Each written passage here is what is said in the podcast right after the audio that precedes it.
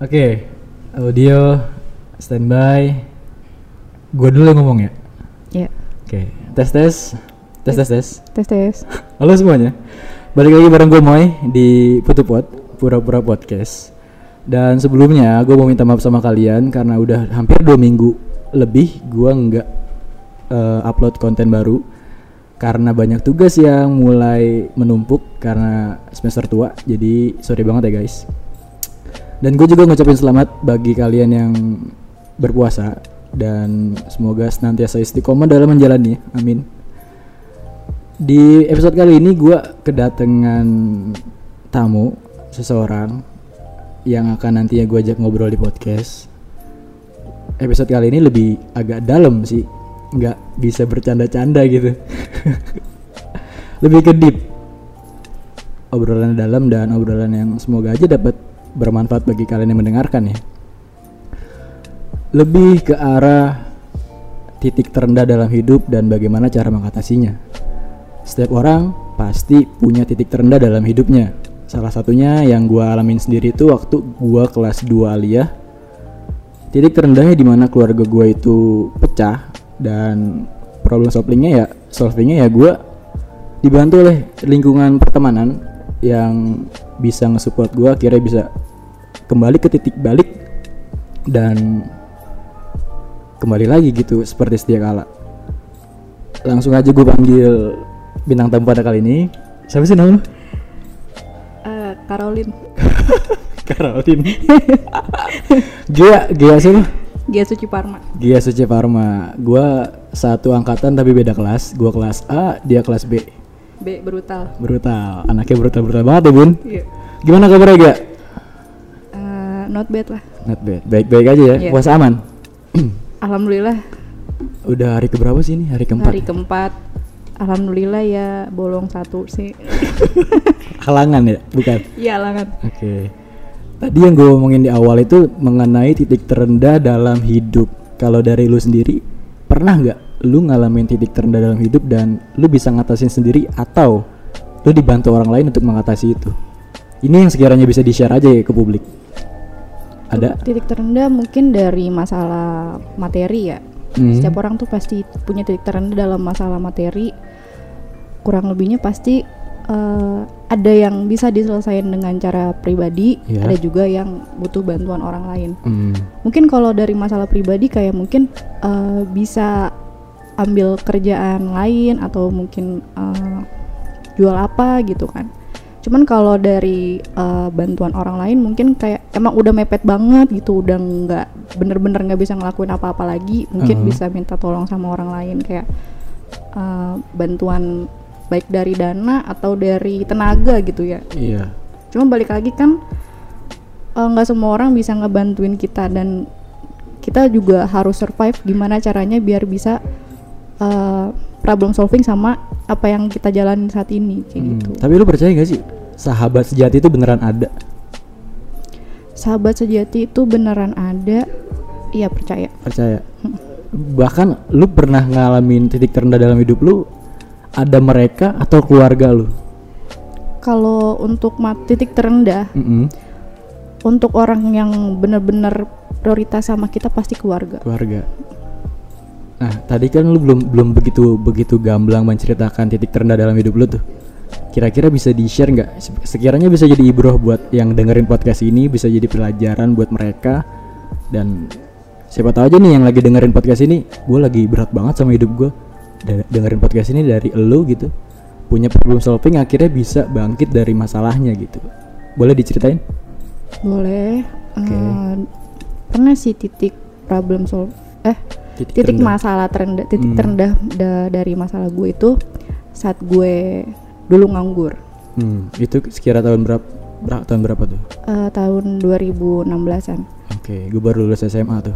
Enggak Gua, gua. oh lu Iya. wow gue udah kerja dua kali Berarti jauh banget ya umur kita ya. iya Oke. gue nganggur jitu gue nggak nemuin apa yang namanya sahabat sejati karena setiap gue tanya apakah ada ada lowongan kerja di tempat lu apakah ada eh, tempat buat gue bisa bantu-bantu Hmm. itu nggak ada yang nggak ada seseorang pun yang jawab ada ada selalu nggak ada selalu bilang nanti kalau ada gue kabarin gitu. Hmm. gitu nggak sih kalau misalnya lu nanya ke orang gitu ada gua loker nggak sih gitu Oh, ntar kalau ada ada. gue kayak kayak, kabarin kayak nih. ngasih pengharapan banget ya gitu iya ya.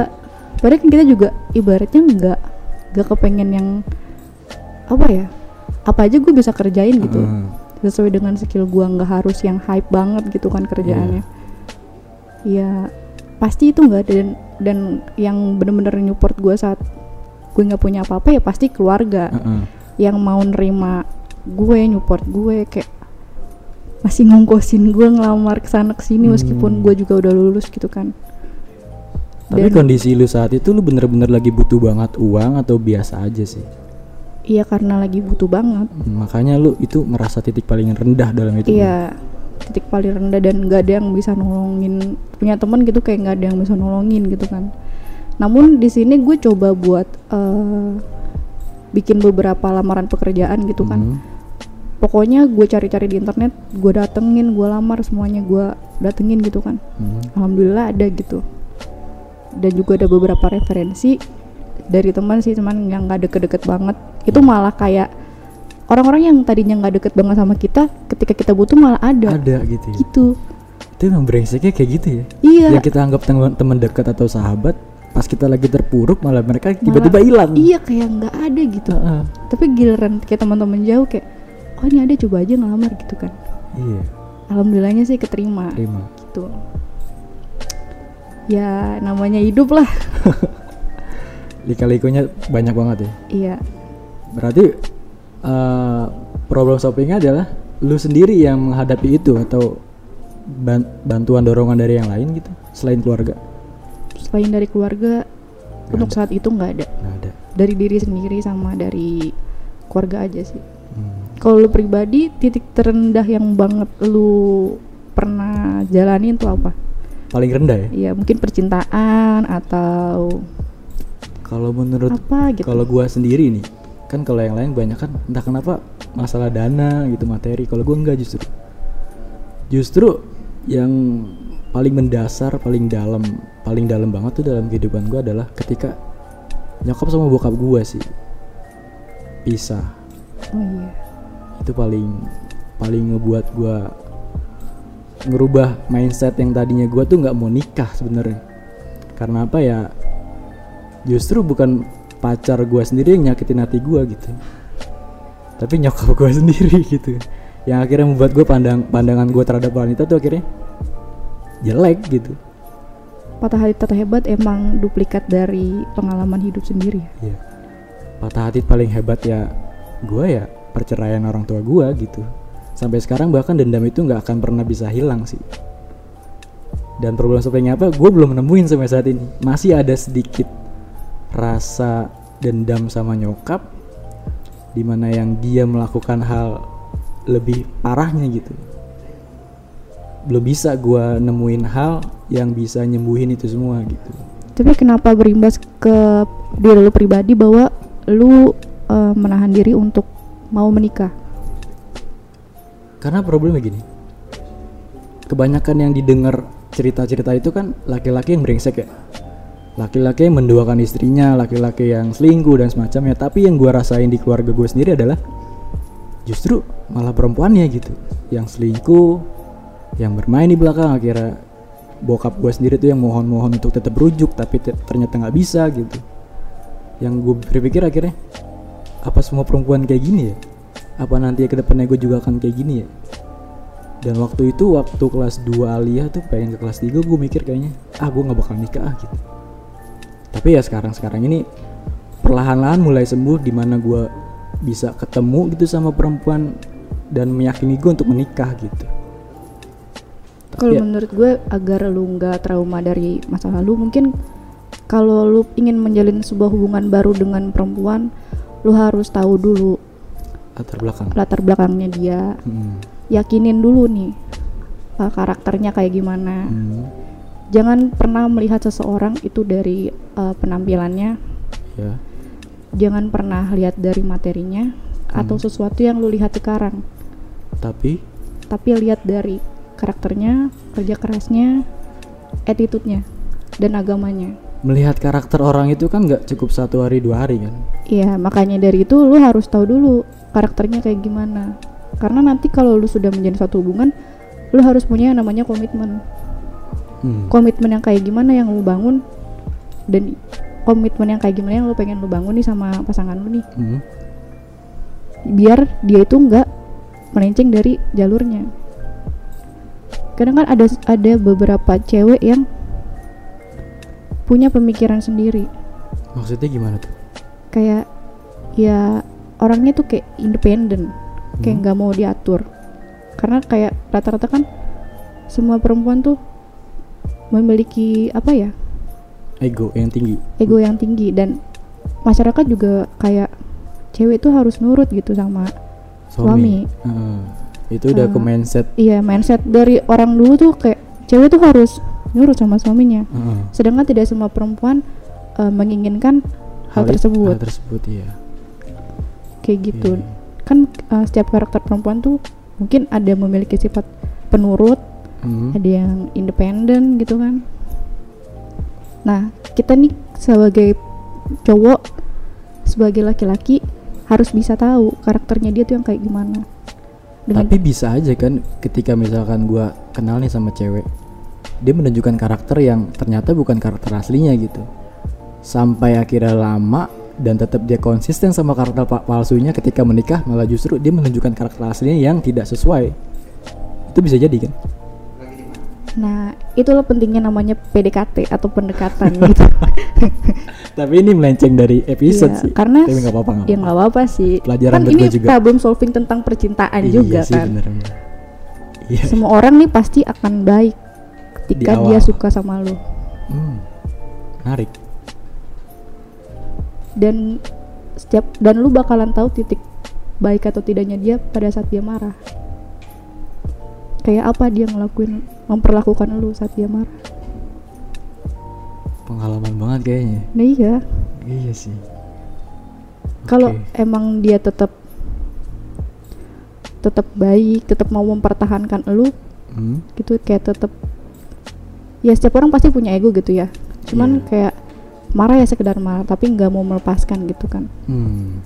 itu yang harus lu pertahanin karena setiap orang pasti setiap orang yang suka sama lu yang menginginkan lu pasti bakalan baik Di awal.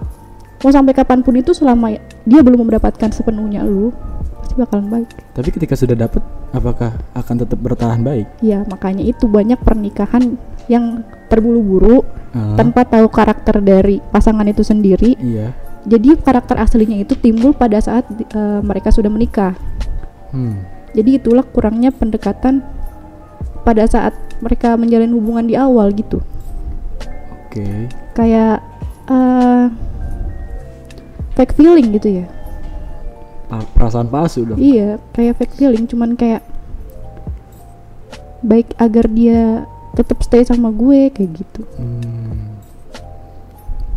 Tapi sebelumnya lu per- udah pernah mengalami hal ini atau memang lu sendiri yang melakukan seperti itu ke laki-laki? Gue. Melakukan fake feeling. gue sih yang melakukan Kacau. Gue dibongkar sama pelakunya. Oke, dari titik terendah dan akhirnya problem solving, solving berlanjut ke apa tadi? Cara mem- cara memilih perempuan. biar lu nggak trauma aja Iya sih sih. karena kan iya namanya pemikiran orang kan mungkin bi- bisa berubah karena seiring berjalannya waktu dari pengalaman-pengalaman yang lu jalanin jadi lu tuh kalau biar nggak trauma nih sering-sering deket sama perempuan apa gitu Lah, berarti gue deketin sama perempuan dong. gak apa-apa Masa gitu? Bu- maksudnya bukan untuk main-main Hmm. ya ibaratnya deket Untuk mencari sudut pandang baru. ya untuk Oke. mencari karakter orang lain bukan untuk hanya sekedar suka cinta dan apalah-apalah gitu kayak FTV gitu Ya Allah, FTV nggak tuh? Oke, eh, gua rasa ini obrolan udah cukup atau masih menggantung menurut lo? ya kalau masih menggantung ya jangan digantung itu sakit Aduh, nggak enak salah sesuatu yang digantung. Satu quotes untuk menutup episode kali ini dari lo. apa ya yang pengen banget lo omongin ke banyak orang nih tentang tentang ini juga sih satu quotes aja apa pun ada gak Hmm. Jangan pernah menyerah sama kehidupan Hmm. karena titik sulit akan berlalu, titik kesenangan juga akan berlalu. Kita nggak bisa menikmatin itu secara konsisten. Hmm. Yang penting kita tetap berusaha, jangan menyerah dan tetap bersyukur sama apa yang kita punya. ah, cakep itu potongannya gue masukin TikTok ya Oke oke eh, obrolan kali ini cukup bermanfaat dan sedikit mendalam.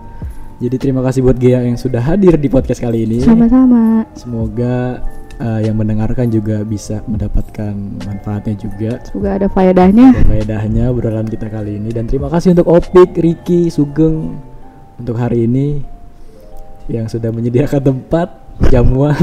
terima kasih banget. Di podcast ini masih belum ada modal karena masih pindah-pindah, belum ada studio. Kalaupun nanti ada studio pasti gue akan undang beberapa teman gue sih. Doain aja ya teman-teman. Amin. Oke terima kasih Gia. gue tutup podcast pada kali ini dan bye bye. Dadah.